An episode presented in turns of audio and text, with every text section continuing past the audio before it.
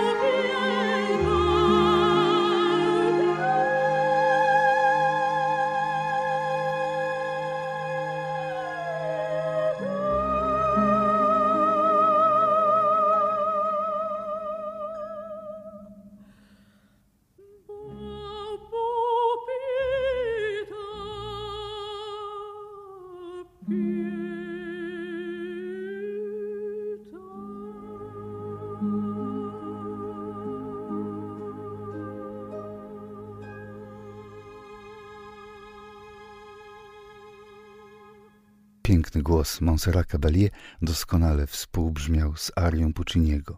Osobom, które nie znają języka włoskiego ani treści opery Gianni Schicchi, melodia ta może podpowiadać różne scenariusze. Na pewno jednak żarliwość i dramatyzm, tu zwłaszcza te duże skoki interwałowe, a z drugiej strony liryczne, łagodne i spokojne, ale opadające frazy sugerują, że mamy tu do czynienia i z miłością, i z żalem, i ze wzburzeniem, a może nawet rozpaczą. W istocie aria o mój drogi ojcze, mówi o tym, że jeżeli ojciec bohaterki nie zrezygnuje z nienawiści do rodziny jej ukochanego i nie zgodzi się na ślub, rzuci się do rzeki z Ponte Vecchio, ze Starego Mostu.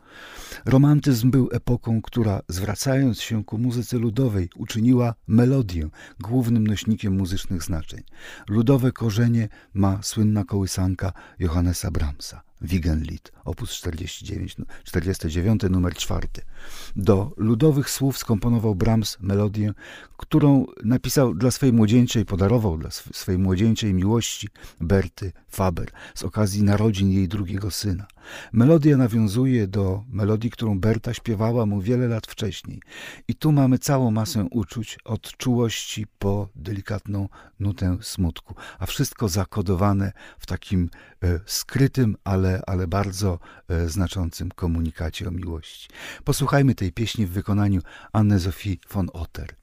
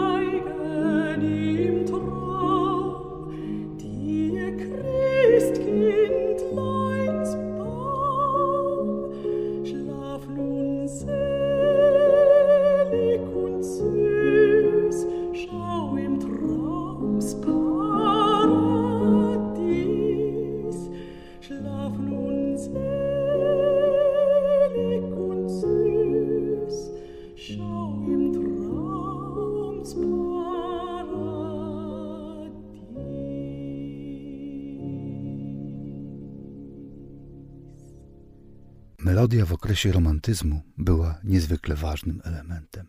W końcu to właśnie melodia wyłania się jako najbardziej żywy element tradycji muzycznej. Kompozytorzy romantyczni byli tak bardzo przekonani o komunikacyjnej mo mocy melodii, że często obywali się bez słów a kantylenowe, wokalne w swym rysunku melodie można znaleźć i w sonatach, i w preludiach. Na marginesie zdradzę, że w jednej z przyszłych audycji planuję przypomnieć genialne wykonania szopenowskich preludiów i walców w wersjach wokalnych. Jednym z genialnych romantyków był Felix Mendelssohn, który żył tylko 38 lat, a pozostawił szereg dzieł o nieprzemijającej wartości.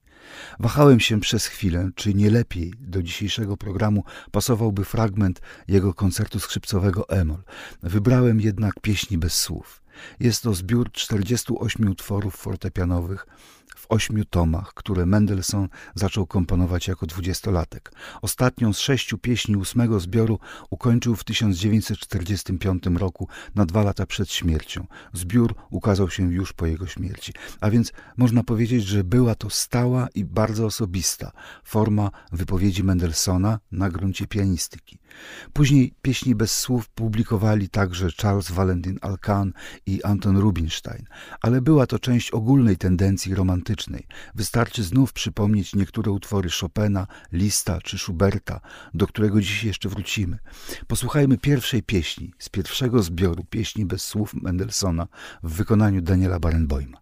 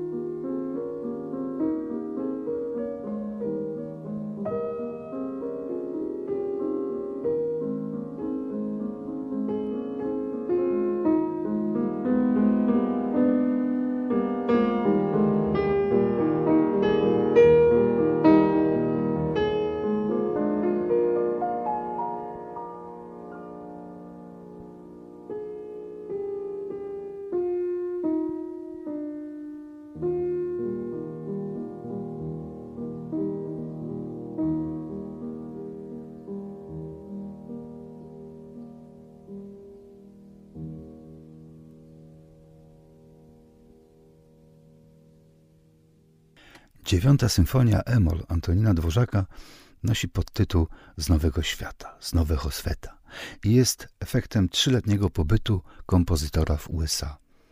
Od momentu premiery Symfonia z Nowego Świata należy do najczęściej wykonywanych symfonii, nie tylko Dworzaka, ale w ogóle. Do niedawna była to wręcz żelazna pozycja repertuarowa i jeszcze w początkach naszego stulecia pojawiała się w programach koncertowych naszych orkiestr często. Można powiedzieć, iż był to prawdziwy przebój, który niezmiennie przyciągał publiczność. Zawsze można było połączyć dziewiątą Dworzaka z trudniejszymi w odbiorze utworami współczesnych kompozytorów czeskich i w rezultacie poszerzyć krąg odbiorców muzyki artystycznej, muzyki nowej, muzyki wymagającej. A pamiętajmy, że usłyszeć mogą tylko ci, którzy słuchają. To, że później orkiestry zrezygnowały z wyzwań i przeszły na repertuar lekki, łatwy i przyjemny jest tendencją zgubną. Pisałem o tym i mówiłem wielokrotnie, ale biurokratyczne mechanizmy rządzące od kilkunastu lat kulturą muzyczną w Polsce już dawno pogrzebały zdrowy rozsądek. Całość symfonii z Nowego Świata jest niezwykle wirtualna. Iskrzy się pomysłami i mozaikowymi nawiązaniami do różnych elementów tworzącej się kultury Stanów Zjednoczonych Ameryki. Kiedy jednak myślimy o tej symfonii, najczęściej nie pamiętamy o drugiej jej części. W pamięci utrwali, utrwaliły się pozostałe fragmenty. Rozbudowana, żywa część pierwsza, roztańczona część trzecia i pełna temperamentu część czwarta. Dopiero słuchane osobno, e, nie jako część ogromnego dzieła, ale jako fragment symfoniczny Largo z dziewiątej symfonii, z jej lirycznym, poważnym tematem ujawnia całą subtelność i głębię tej muzyki. W rękopisie symfonii część ta nosiła tytuł Legenda. Zarówno wstępne akordy instrumentów dętych, które możemy interpretować jako muzyczny odpowiednik frazy dawno, dawno temu, jak również elegijna melodia wykonywana przez rożek angielski odzwierciedlają późnoromantyczne tęsknoty i aurę emocjonalną towarzyszącą odchodzącej epoce.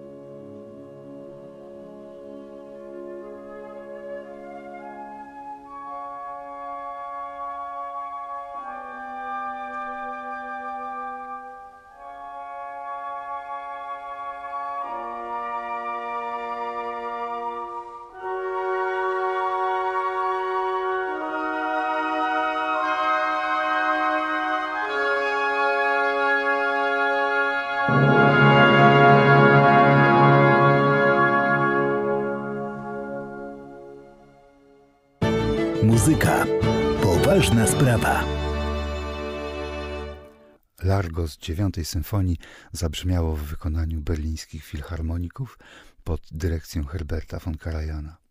Nowojorskie lata Antonina Dworzaka to niezwykle znaczące zderzenie kultury europejskiej i amerykańskiej. Dworzak poznał m.in. Harego Barlega, e, w późniejszych latach słynnego na całym świecie śpiewaka, którego aranżacje upowszechniły Negro Spirituals. Jako student konserwatorium pomagał rodzinie, wyko wykonując różne dorywcze prace. Podobno Dworzak usłyszał go, kiedy ten śpiewał myjąc podłogi w nowojorskim konserwatorium. Być może jest to legenda. Faktem jest, że Dworzak spotykał się e, wielokrotnie z Barleyem e, i zawsze prosił, żeby ten mu coś zaśpiewał. E, Barley wspominał, że śpiewał Dworzakowi wiele, wiele razy, a Dworzak wyznawał: W afroamerykańskich melodiach znalazłem wszystko, co jest potrzebne dla stworzenia wielkiej i szlachetnej kultury muzycznej. Cofając się do źródeł, posłuchamy jednego z opracowanych przez Harego Barleya Negro Spirituals. Jego opracowania rozszerzyły na cały świat oddziaływanie tego stylu, tego gatunku, jak również nie tylko spirituals, ale też gospels, a później także innych gatunków muzyki afroamerykańskiej. Co szczególnie znaczące, muzyka była pierwszą ze sztuk, które pokazały światu kulturę afroamerykańską. Dopiero później przyszła literatura, malarstwo, balet. Posłuchamy pieśń Go Down Moses. Jest to jedyne znane nagranie Harego Barleya, wydane w 1919 roku.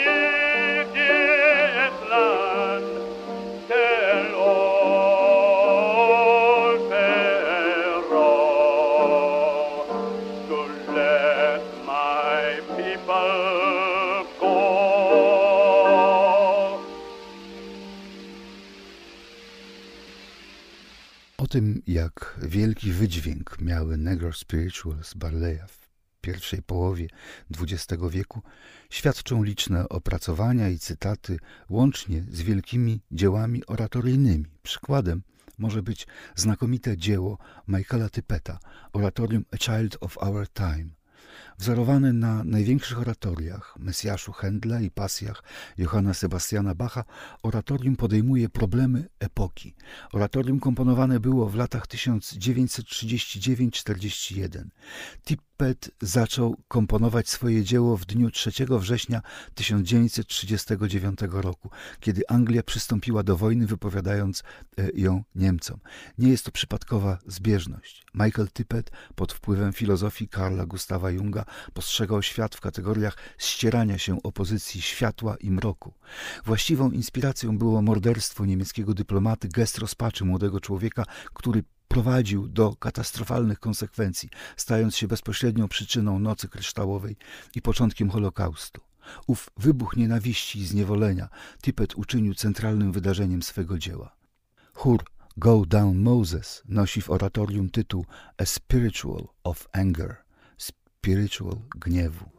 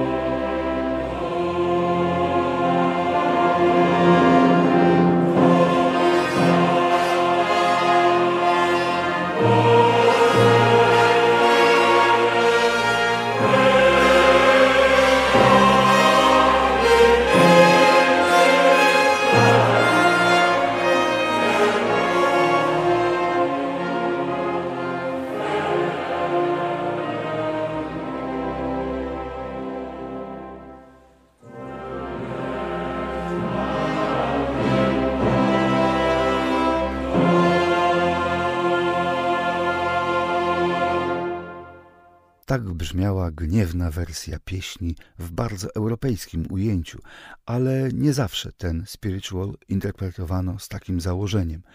Go Down Moses to pieśń oparta na historii biblijnej z Księgi Wyjścia, Exodus. Stała się przebojem muzyki popularnej i standardem jazzowym nie bez przyczyny. Opowiedziana w niej historia wyzwolenia narodu wybranego z niewoli egipskiej mówi w istocie o wolności która niewolnikom na plantacjach kojarzyć się mogła tylko z ich własnymi marzeniami. Dziadek Harego Barleya, Hamilton Waters, został zwolniony z niewoli po zapłaceniu 55 dolarów, 50 za siebie samego i 5 za swoją matkę.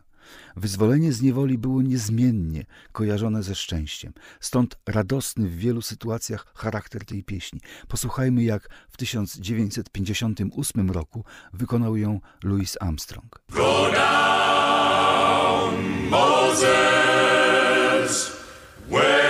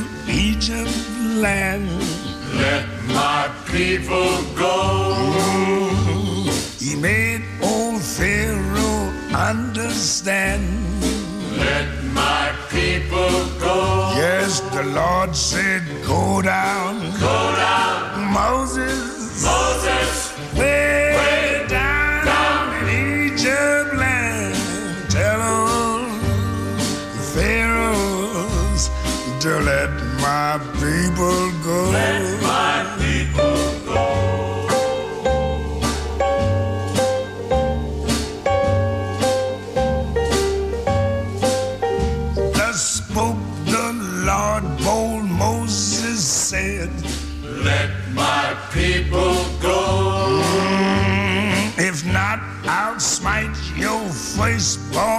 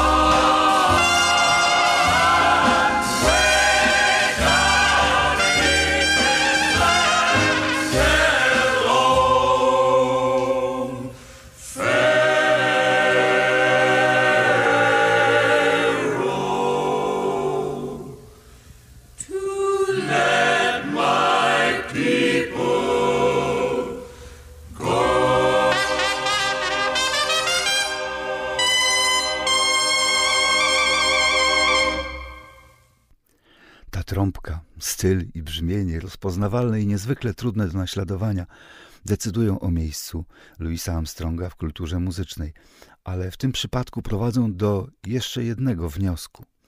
Wyzwolenie zaczyna się od chóru, który zawsze znamionuje wolę zbiorową. Później następuje szereg aktów indywidualnych, tu solista, a osiągnięta w końcu wolność odnajduje swoją wartość w improwizacji, w radości tworzenia. Tym się różni działanie wolnego człowieka od mechanicznej, powtarzalnej pracy niewolników. Tylko człowiek wolny tworzy i tylko w wolności możliwa jest improwizacja. Może dlatego jazz stał się muzyką XX wieku, a całe stulecie określa się epoką jazzu. Za chwilę posłuchamy, jak w 1977 roku improwizował na temat pieśni Go Down Moses Archie Sheep. Jeden z najważniejszych przedstawicieli awangardowego jazzu w latach 60. w 1977 roku u szczytu kariery w duecie z Horace Parlanem nagrał płytę Going Home, której program składał się z melodii ludowych i spiritualsów. Tytuł oczywiście był symboliczny. Ship po raz pierwszy w trwającej wiele lat karierze zwrócił się ku tradycji, z której wywodzi się nie tylko jazz, ale i znaczna część muzyki rozrywkowej. Ten symboliczny powrót do domu to także powrót do pojęć i wartości, które nieustannie kształtują naszą rzeczywistość. Oto Go Down Moses w fantastycznym nagraniu duetu Archie Sheep i Horace Par- Parlan.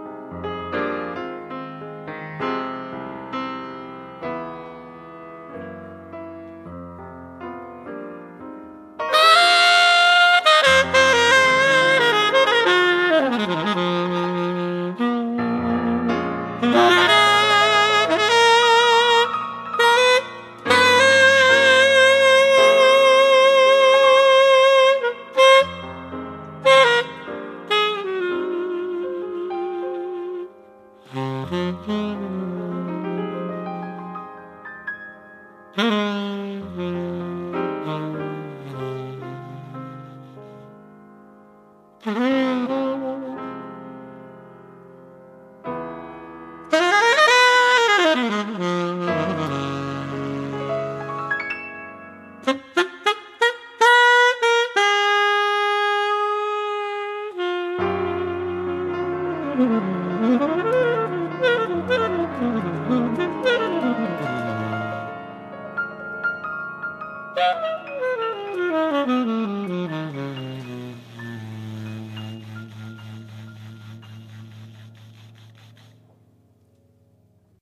do romantyków. Y, ideały wolnościowe były jednym z najważniejszych haseł całej epoki. Po okresie burzy i naporu romantycy odziedziczyli wiarę w bunt przeciwko zniewoleniu i prawa narodów do samostanowienia. To nie przypadek, że wiele europejskich hymnów państwowych to pieśni powstałe w okresie romantycznym lub preromantycznym. Tym, co różni hymny od typowych pieśni romantycznych, jest ich charakter odpowiadający zbiorowym, churalnym wykonaniom. Mówiliśmy już dziś o tym, że chóry kojarzą się z sformułowaniem woli zbiorowej. Romantyzm jednak był indywidualistyczny. Stąd podstawowe znaczenie pieśni, które w XIX stuleciu pisał niemal każdy kompozytor. Na tle tak dominującej formy pojawiła się i miniatura instrumentalna, i kantylenowe fragmenty w dziełach symfonicznych.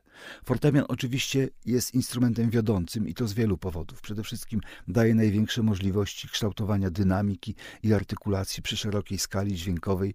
Y, jedynym ograniczeniem jest poziom biegłości pianisty. Przypomnijmy, że mamy 88 klawiszy i tylko 10 palców.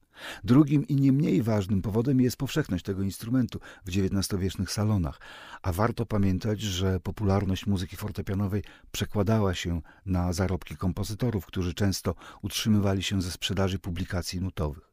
Posłuchajmy, jak w Impromptu op. 90 nr 3 Franza Schuberta interpretuje Alfred Brendel.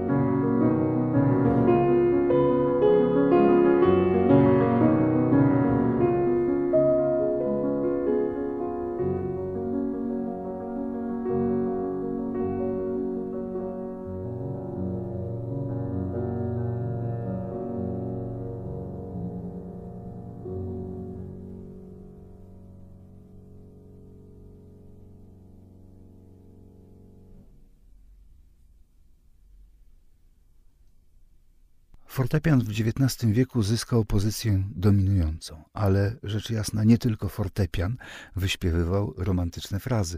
Nie możemy zapominać o innych królewskich instrumentach, a wciąż na szczycie muzycznej hierarchii swoje miejsce zajmowały i zajmują skrzypce. I oczywiście słynni wirtuozi, wśród których każdy naród europejski miał swoich przedstawicieli. Nie zabrakło i Polaka, Henryka Wieniawskiego, jeśli mówimy o największych, ale przecież nie był to jedyny polski romantyczny wirtuoz. Mówiąc o wirtuozach najczęściej jednak pamiętamy o Niccolo Paganinim, genialnym skrzypku, który swymi innowacjami technicznymi przełamał wiele wcześniejszych ograniczeń. Jego gra stała się fundamentem rozwoju techniki skrzypcowej w XIX i XX wieku. Co ciekawe, Paganini w młodości zachwycił się techniką polskiego wirtuoza Augusta Fryderyka Duranowskiego, znanego też jako August Durand, któremu zawdzięczał inspirację w prowadzeniu melodii na tle pizzicata w lewej ręce. Nie zawsze pamiętamy, że Paganini był nie tylko skrzypkiem, ale też wirtuozem gitary. Wybrałem wstępną część utworu na skrzypce i gitarę, zatytułowanego Sonata a Preghiera, czyli sonata na temat modlitwy.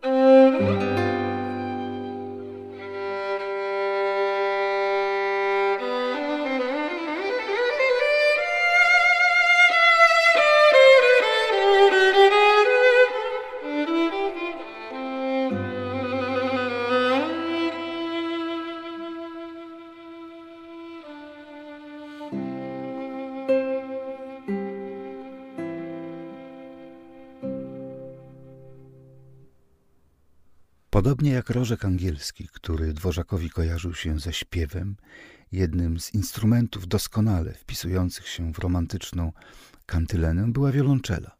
Jest to instrument o ogromnych możliwościach ekspresyjnych i niezwykle szerokiej palecie brzmieniowej. Dowodem, jak wielkie możliwości kantylenowe kryje wiolonczela, może być koncert Emol op. 85 Edwarda Elgara. Utwór ten powstał po I wojnie światowej jako swoista elegia dla zakończonej wojny i czasów, które bezpowrotnie minęły, tych czasów przedwojennych. Wolne tempa i dramatyczny, miejscami liryczny nastrój miały odpowiadać stanowi ducha kompozytora. Koncert nie został przyjęty jednak dobrze. Krytykowano kompozycję i jakość wykonania. Mimo kilku wznowień opinie o tym dziele były nie najlepsze i takie pozostały aż do lat 60., kiedy koncert Elgara nagrała Jacqueline Dupré. Nagranie to zelektryzowało publiczność, zapewniając mu natychmiast miejsce w historii. Płyta stała się przebojem, bestsellerem, a koncert zyskał szereg wykonawców i obecnie jest jedną z ważniejszych pozycji w repertuarze wiolonczelowym. Posłuchajmy jak Jacqueline Dupré oraz London Symphony Orchestra pod dyrekcją Johna Barbirolliego wykonują Adagio, które jest trzecią częścią tego koncertu.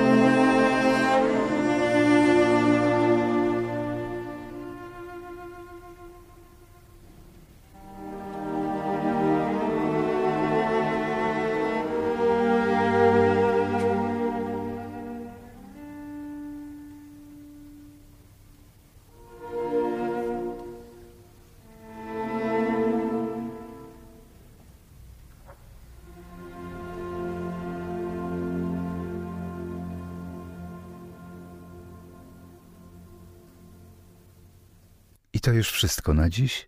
Zapraszam do wysłuchania kolejnych audycji z cyklu Muzyka Poważna Sprawa. Za uwagę dziękuję. Krzysztof Szatrawski. Muzyka. Poważna sprawa.